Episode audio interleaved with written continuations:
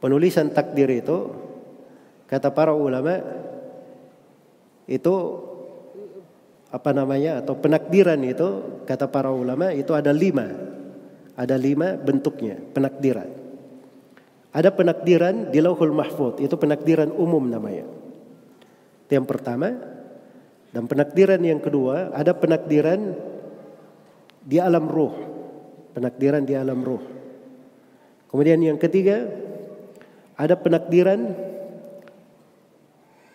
seumur yaitu ketika ditiupkan ruh ke jasad, ditiupkan ruh ke janin. Itu ada malaikat di situ mencatat takdir. Itu penakdiran yang ketiga. Dan penakdiran yang keempat ada penakdiran tahunan. Itu adalah di malam Lailatul Qadar. Dan penakdiran yang kelima, penakdiran yang harian. Itu datang di dalam tafsir firman Allah Subhanahu wa taala inna kulla kulla yawmin huwa fi sya'an. Setiap hari Allah di dalam perkara. Itu disebut oleh Ibnu Al-Qayyim rahimahullahu taala.